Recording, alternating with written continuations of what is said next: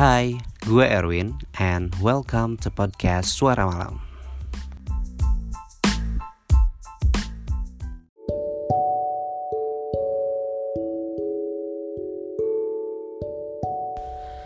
Selamat malam semuanya, balik lagi bareng gue Erwin di podcast Suara Malam.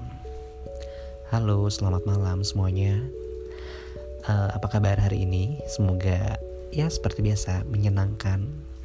Gimana kerjaan hari ini? Semoga semua kerjaannya bisa diatasi dengan baik, uh, bisa berkah juga, dan pastinya bisa selalu bahagia ya.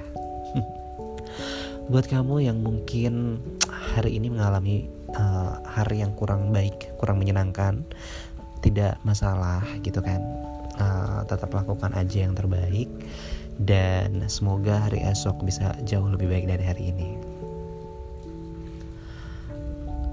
Akhir-akhir ini gue kayak uh, lihat berita terus baca-baca portal berita gitu kayak uh, apa ya kasus uh, covid ini semakin tinggi kan lagi tinggi banget yang bias bisa nyampe 12 ribuan gitu kan sehari. Agak ngeri ya memang.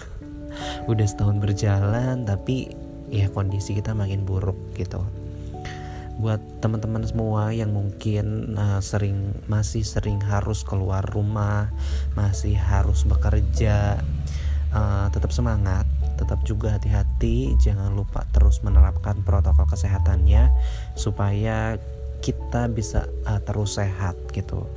Dan buat teman-teman yang ada sih beberapa teman gue yang ragu kayak uh, mau vaksin atau tidak vaksin atau tidak menurutku kalau misalkan ada kesempatan divaksin atau difasilitasin dari kantor uh, Bismillah aja gitu. Kayak oke okay, nggak ada salahnya untuk coba. Toh gue juga udah vaksin dua kali dan puji Tuhan alhamdulillah tidak ada reaksi atau efek samping apa pun.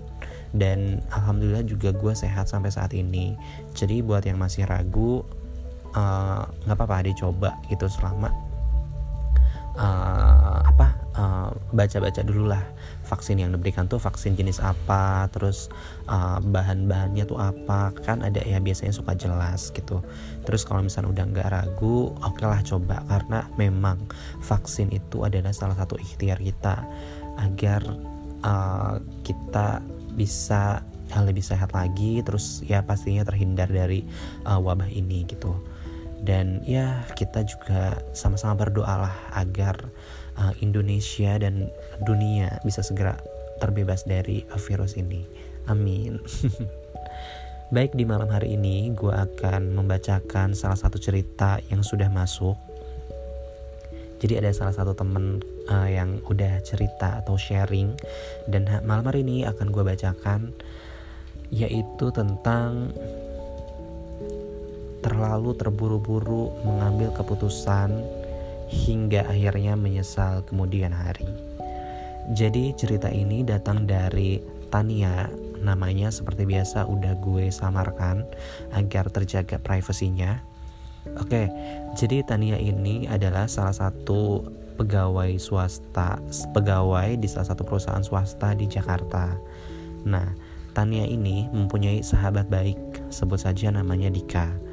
Nah, mereka ini sudah berteman uh, cukup lama selama 2 tahun selama kerja di uh, di saat di perusahaan itu, tapi uh, dengan uh, divisi yang berbeda. Nah, di dalam ceritanya Tania juga menjelaskan bahwa uh, ada salah satu teman juga nih namanya Putri. Nah, Putri ini adalah teman baiknya eh teman masa kecilnya Dika. Nah, mereka bertiga ini adalah kayak ya kalau misalnya anak sekarang bilang tuh best friend forever kali ya. Oke. okay. Uh, eh, selama ini sampai saat ini di dalam ceritanya Tania bilang karena saking deketnya Tania sama Dika uh, mereka tuh kayak sering banget dicecein atau dijodoh-jodohin uh, sama yang lain terutama sama Putri karena ya mereka tuh udah kayak lengket banget gitu. Di mana ada Tania pasti ada Putri. Kayak tiap hari itu mereka makan siang bareng. Terus kadang juga tukar-tukar bekal makan. Terus kalau misalkan pulang juga si Tania ini lebih sering dianterin sama Dika gitu. Terus di weekend juga terus di weekend juga ya mereka jalan bareng gitu. Meski kadang bertiga gitu sama Putri juga tapi ya kebanyakan mereka menghabiskan waktu berdua. Nah terus uh, setel, uh, semakin uh, kedekatan mereka pernah nih suatu saat si Putri sama si Tania ini lagi kayak staycation gitu. Terus mereka tuh kayak deep talk gitu kan. Terus kayak ya biasa lah ya main truth or dare atau segala macem. Nah terus si Tania itu uh, sempat nanya nih sama Putri Put uh, Dika tuh sebenarnya perasaannya gimana sih ke gue gitu? Si Tania itu member memberanikan nanya uh, pengen tahu gitu. Dia tuh kepo banget tentang perasaannya si Dika ke Tania gitu. Dia dia nanyanya ke Putri. Nah karena Putri ini tuh deket banget sama Dika juga apalagi mereka tuh kan dari kecil banget. Terus si Dika juga kan kalau misalkan masalah-masalah pribadi biasanya ceritanya sama Putri. Terus akhirnya di situ malam hari itu si Putri bilang bahwa ternyata selama ini si Dika memendam perasaan sama si Tania. Wow. Tapi karena si Dika ini uh, tidak terlalu percaya diri jadi kayak minder gitu karena memang uh, maaf ya boleh dibilang uh, perekonomian mereka tuh sangat berbeda sekali gitu. Kayak Tania itu ya uh, katakanlah uh, berada gitu. Sementara si Dika ini orang uh, biasa aja maaf ya. Uh, di situlah si uh, Dika itu ngerasa minder dan kayak oh kayaknya nggak mungkin deh si uh, Tania itu suka sama gue gitu. Akhirnya si Dika tuh cuman bisa kayak memendam aja perasaan kayak gitu terus uh, ya intinya di malam itu si Tania itu jadi tahu perasaan yang sebenarnya Dika ke Tania itu kayak gimana. Nah, hingga akhirnya pada saat si Dika jalan sama Tania, akhirnya si Tania kayak coba nanya gitu loh sama Dika Dik perasaan lo ke gue tuh gimana sih sebenarnya? Gitu. Apa kayak cuman teman doang atau gimana? Ada perasaan lain gak sih selain teman nah si Dika juga bingung lah kok tiba-tiba ngomong kayak gini? Kayak biasa tuh mereka tuh cuman kayak ya udahlah ya kayak bercandaan apa segala macam tapi tiba-tiba uh, mereka ngomong serius kayak gitu. Dan hingga akhirnya si Dika tuh kayak udah ditanya udah ketangkap basah. Akhirnya dia mengakui bahwa uh, dia suka gitu sama Tania. Dengan tetapi selama ini tidak bisa bicara langsung dikarenakan satu dan lain hal. Salah satunya tentang strata sosial yang tadi. Terus uh, dia juga menyebutkan bahwa dia takut kalau misalkan si Dika ditolak terus persahabatan persahabatan mereka jadi hancur gitu. Nah uh, semenjak uh, apa percakapan malam hari itu akhirnya mereka berdua resmi berpacaran hebat banget kan? Terus ternyata si Tania juga ya ada lah ya memendam perasaan gitu sama si Dika dan ternyata mereka sama-sama suka. Terus masalah strata sosial si Tania sebenarnya tidak mempermasalahkan itu. Selama si Dika itu ya bisa bekerja gitu. Tuh Nah, enam bulan setelah mereka pacaran, semuanya tuh berjalan dengan lancar, malah mereka tuh semakin dekat. Nah, pas enam bulan itu, si Dika ternyata dipindahkan ke divisi yang lain. Kata kata Tania di dalam ceritanya, dia bilang si Dika itu dipindahin ke divisi auditor gitu. Which is kalau misalkan yang auditor itu kan biasanya uh, jarang di home base ya, jarang di Jakarta. Mereka tuh lebih banyak uh, pergi ke luar kota gitu loh yang ke klien-klien yang lain gitu kayak uh, mengaudit kadang di Surabaya, kadang di Semarang, di Bandung, ke mana-mana. Nah, sehingga menyebabkan intensitas pertemuan mereka itu kayak berkurang. Terus komunikasi mereka juga uh, kurang baik gitu. Nah, ternyata uh, si Dika ini mungkin ya mungkin mungkin sangat eh, sangat-sangat sibuk dengan urusan uh, dengan tanggung jawab dan tugas yang baru sehingga kadang ya dalam sehari itu kayak chatting tuh cuman sekali dua kali. Terus kalau kalaupun malam juga si Tania minta telepon tapi si Dikanya udah kayak capek gitu loh. Jadi dia nggak bisa telepon. Terus di weekend juga si uh, Dika juga kebanyakan kayak jarang ngabarin gitu loh jarang, ngabarin si Tania. Intinya komunikasi mereka pada uh, setelah uh, itu kurang baik lah gitu. Hingga pada suatu hari nih pernah katanya uh, udah beberapa minggu belakangan ini setiap hari Sabtu dan Minggu si Dika itu selalu ngilang. Kayak ya udah kayak nggak pernah ngabarin malah lost kontak gitu dan itu uh, berjalan kayak beberapa minggu. Nah si Tania akhirnya coba untuk nanya ke Putri uh, kenapa sih si Dika kayak gini? Terus akhirnya Putri juga nggak menjelasin apa-apa dia cuma bilang oh mungkin dia sibuk kali mungkin bla bla segala macam Terus si Tania karena si Tania orangnya itu nggak suka banget ya dicuekin, dia tuh pengennya selalu diperhatiin, selalu ditemenin apa segala macam. Dia mulai tidak nyaman dengan kondisi seperti itu. Dia tuh nggak nggak apa ya nggak nggak bisa deh namanya dicuekin sama cowok gitu. Tapi si Tania juga nggak berani gitu, nggak berani uh, bilang gitu loh sama Dika ah, kenapa sih lo nyuekin gue?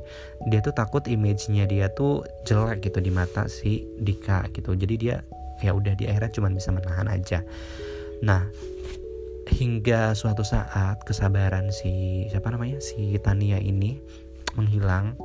Terus si Dika juga semakin jauh jauh jauh jauh bener-bener jarang banget komunikasi hingga akhirnya si Tania memutuskan untuk mengakhiri hubungan. Itu.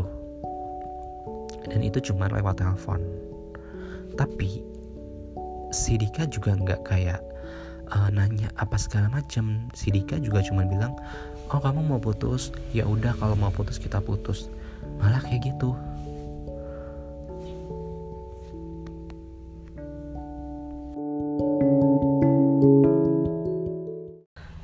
Wow, parah sih ini menurut gue. Jadi pada saat si cowoknya itu si Dika belum ada kabar selama beberapa minggu. Uh, dan si Tania juga kayak udah kesabarannya hilang.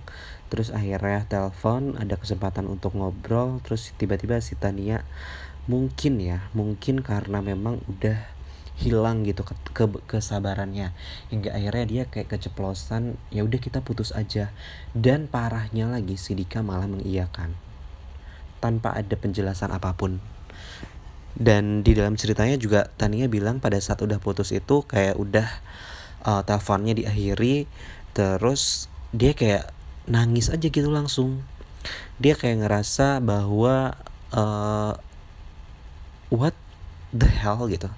Apa sih ini? Maksudnya uh, mungkin ya di Tiania itu uh, mutusin itu pengennya tuh ada penjelasan atau apa atau lu kemarin ke mana atau apa segala macam tapi ternyata tidak.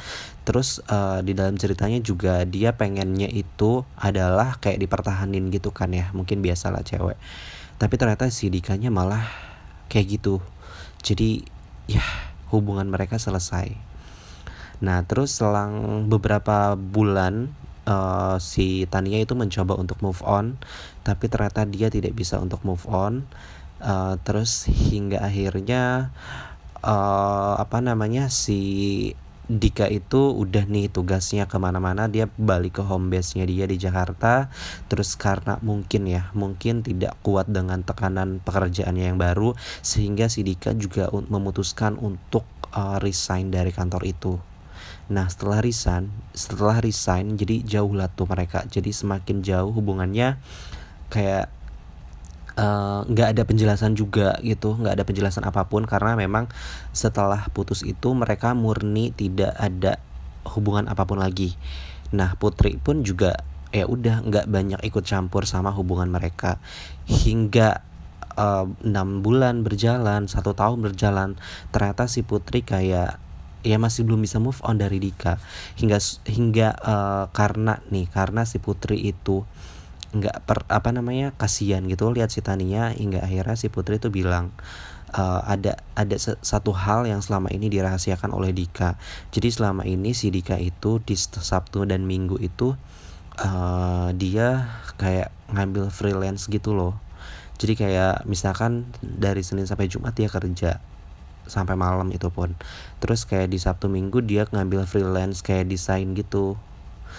Uh, that's why mungkin dia sangat-sangat sibuk dengan pekerjaannya itu. Sampai-sampai memang nggak ada waktu buat ngabarin si ceweknya itu. Gitu. Terus dari situ si Dika eh si Dika. Dari situ si Tania kayak ngerasa anjir maksudnya apa ya maksudnya si Tania tuh kayak ngerasa menyesal udah mutusin si Dika tanpa dia mencari tahu dulu apa yang sebenarnya uh, si Dika lakukan pada saat itu. Gitu ceritanya. Terus kayak sampai sekarang nggak bisa move on gitu loh si Tanianya kasihan.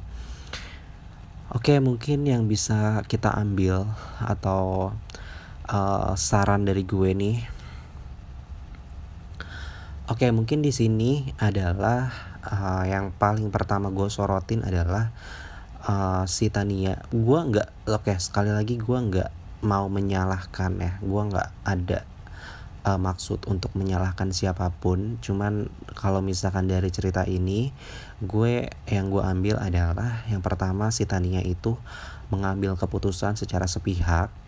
Terus kayak dia mengambil keputusan dalam keadaan dia lagi emosi gitu.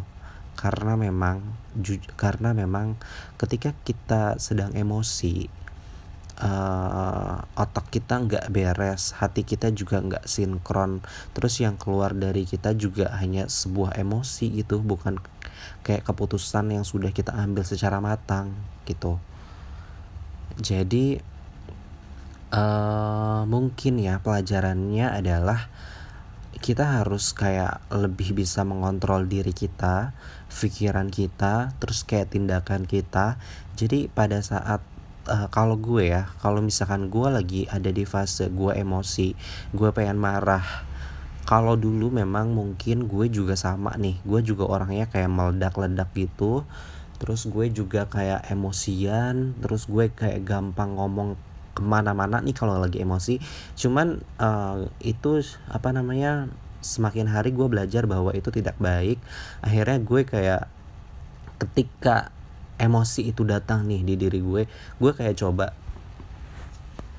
kayak coba untuk buat menahannya dulu deh.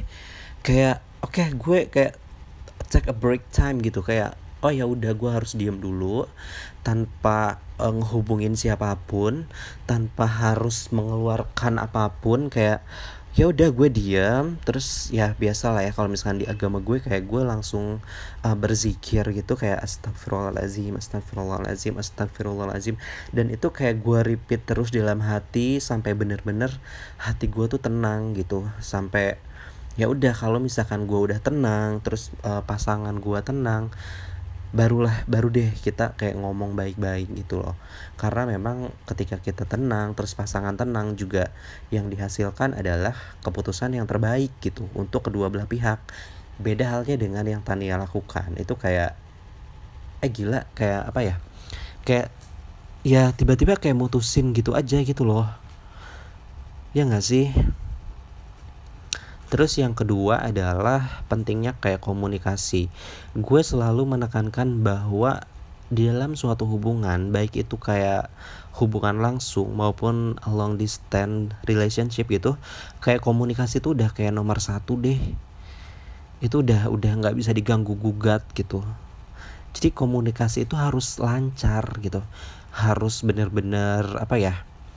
Ya bener-bener lancar dan dua arah gitu maksudnya uh, komunikasi yang baik itu kayak gimana sih gitu. Kalau misalkan menurut gue adalah komunikasi komunikasi yang baik itu komunikasi yang dua arah. Nggak harus ya gue uh, underline. Nggak harus tuh yang namanya kita tuh harus ngabarin pacar kita selama 24 jam. Kayak misalkan sayang aku mau boker dulu ya. Sayang aku mau minum dulu ya. Nggak perlu lebay. Itu lebay banget kayak apa ya mungkin kalau misalkan bagi gue sih gini kayak uh, apa ya kayak oke okay, katakanlah waktu itu ada 24 jam. Kita tuh harus sadar bahwa 24 nya 24 jam dia itu bukan untuk kita doang gitu. 24 jamnya dia bukan milik kita gitu. Kayak dia tuh uh, kita harus ngerti bahwa pasangan kita juga mempunyai kehidupan yang lain.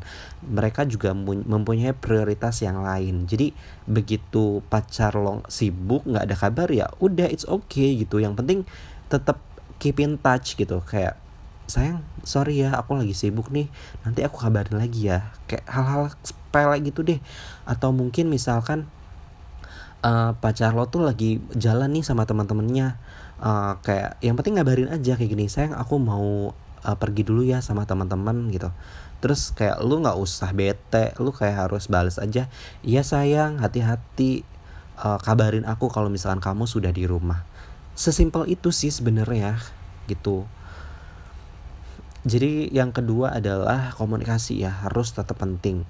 Terus yang ketiga adalah uh, jangan egois. Kenapa jangan egois? Karena gini, hubungan itu kan tentang kita, tentang aku dan dia, kita lah ya. Jadi uh, jangan uh, timpang tindih. Apa timpang tindih? Apa ya bahasa gue? Uh, jangan uh, berat sebelah kayak jangan melulu ngomongin tentang aku misalkan atau jangan melulu tentang kamu kamu kamu kamu terus uh, harus uh, tentang kita gitu ngerti gak sih paham nggak maksud gue? Kayak misalkan uh, ketika gue nih ada masalah ya gue bilang gitu sama pacar gue. Terus ketika pasangan gue uh, ada apa pun juga bilang gitu. Jadi kita kayak saling tahu masing-masing. Nah kalau misalnya di case ini kan uh, apa ya uh, kalau di case ini tuh kayak si cowoknya itu kayak uh, ngumpetin bukan ngumpetin ya. Mungkin dia belum sempat cerita juga gue nggak tahu tuh. Uh, mungkin si uh, ceweknya nih harusnya kayak nanya dulu lo kenapa? Lo ke mana? Lo uh, ngapain aja? gitu. Eh sebenarnya udah ditanya juga kan cuman memang si cowoknya belum mau jelasin karena si ceweknya tuh kayak belum sabar aja gitu loh. Nah si cowoknya juga seharusnya kayak uh, apa namanya kayak ya udah gitu loh ngapain harus ditunggu penjelasannya langsung aja. Atau kalaupun misalkan memang lu sibuk kayak uh, ngambil freelance atau apa segala macam ya lu tinggal bilang aja gitu sama pasangan lu sayang aku sibuk saya aku mau ngerjain ini ini ini ini selesai. Jadi si ceweknya juga nggak bakalan ketungguan nggak bakalan mikirin ke mana-mana nggak bakalan overthinking apa pun itu segala macam enggak jadi si ceweknya itu juga bakalan tenang gitu loh. Jadi jangan egois jangan maunya eh, kita di terus atau pasangan kita pengennya di ngertiin terus. Jadi harus benar-benar saling mengerti. Terus nih uh, the last nih for Tania. Kalau misalkan gue jadi Tania ya. Kalau misalkan gue di posisi Tania adalah gue bakalan ngajakin tuh cowok ketemu. Si Dika itu bakalan ketemu. Entah itu ya di mana pun dia berada ya. Pokoknya gue pengen uh, kayak apa ya kayak ngobrol dulu deep talk gitu terus heart to heart terus kayak Tania tuh kayak ngejelasin waktu itu kenapa dia sampai mutusin. Terus lo Tania juga nanya kenapa Dika gini gini segala macam kayak biar clear aja gitu loh biar kalaupun ya kalaupun memang kalian tidak bisa bersama seenggaknya tuh masalah selesai dulu gitu nggak ngegantung sampai sekarang. Kalaupun memang kalian bisa pacaran lagi ya kenapa kenapa apa uh, kenapa enggak gitu. Jadi semua kemungkinan tuh bakalan terbuka. Jadi nggak kayak sekarang kayak gantung kayak merasa menyesal terus uh, merasa bersalah atau apa segala macam uh, kan nggak enak ya. Mendingan kayak dikomunikasikan aja lagi dulu nih. Kalau misalkan someday ini ada waktu terus lo lagi luang terus si Dikanya juga lagi luang ketemu deh. Ngobrol secara dewasa dari hati ke hati. Terus uh, ceritain yang kemarin-kemarin tuh seperti apa. Gitu mungkin kalau misalnya dari gue. Mungkin cerita malam hari ini dicukupkan sampai sekian sekali lagi gue mau ngucapin terima kasih banyak buat teman-teman semua yang sulal yang sudah dan selalu mendengarkan podcast uh, ini. Terima kasih banyak. Terus kalau misalkan yang mau ceritanya diangkat atau mau sharing juga boleh bisa langsung ke instagram gue di dd spasi erwin spasi hidayat. Oke gue tunggu ceritanya nanti kalau ada kesempatan dan ada waktu pasti gue bakalan uh, apa namanya bakalan gue angkat ceritanya. Gitu. Terima kasih. Sekian dari gue. Bye. Selamat istirahat. Good night